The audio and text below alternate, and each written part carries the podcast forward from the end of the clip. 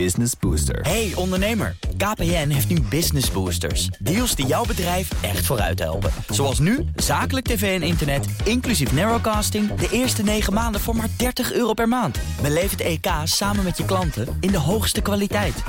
Kijk op kpn.com slash businessbooster. Business Booster. De column van Marianne Zwagerman. De grootste nepnieuwsfabriek van Nederland draait weer op volle toeren.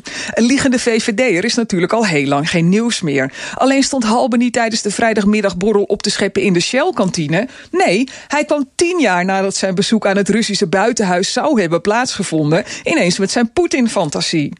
Naadloos passend in het vijandsbeeld over Rusland... dat ons door de EU, geholpen door de Nederlandse regering... door de strot wordt geduwd. Rutte haastte zich dan ook te verklaren... dat Zeilstra het verhaal weliswaar verzonnen had... maar dat de inhoud staat. Nou Mark, wij van de media proberen nog wel een beetje vast te houden aan het principe dat één bron geen bron is. En jouw bron loog nog ook. Maar goed, nepnieuwsfabrieken hebben vast een ander redactiestatuut.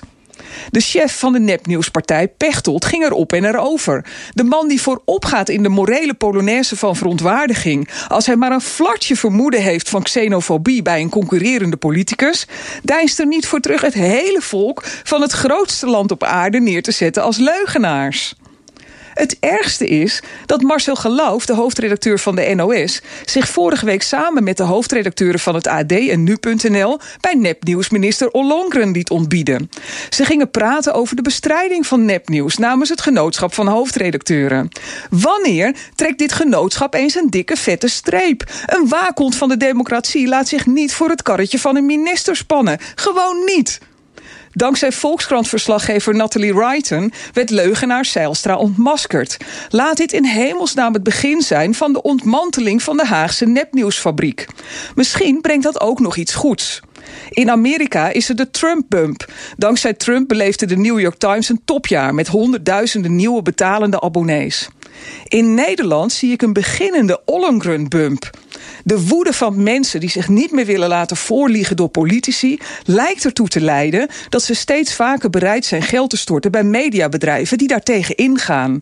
Er zijn gecrowdfunde podcasts, webtalkshows die kijkers kunnen adopteren en Geen Stijl introduceerde een betaald abonnement om niet meer afhankelijk te zijn van adverteerders die steeds vaker onder druk worden gezet door politici om hun advertenties terug te trekken. Wie eerlijk nieuws wil, moet betalen voor journalistiek. Zo simpel is het. Hardlopen, dat is goed voor je. En Nationale Nederlanden helpt je daar graag bij. Bijvoorbeeld met onze digitale NN Running Coach... die antwoord geeft op al je hardloopvragen. Dus, kom ook in beweging. Onze support heb je.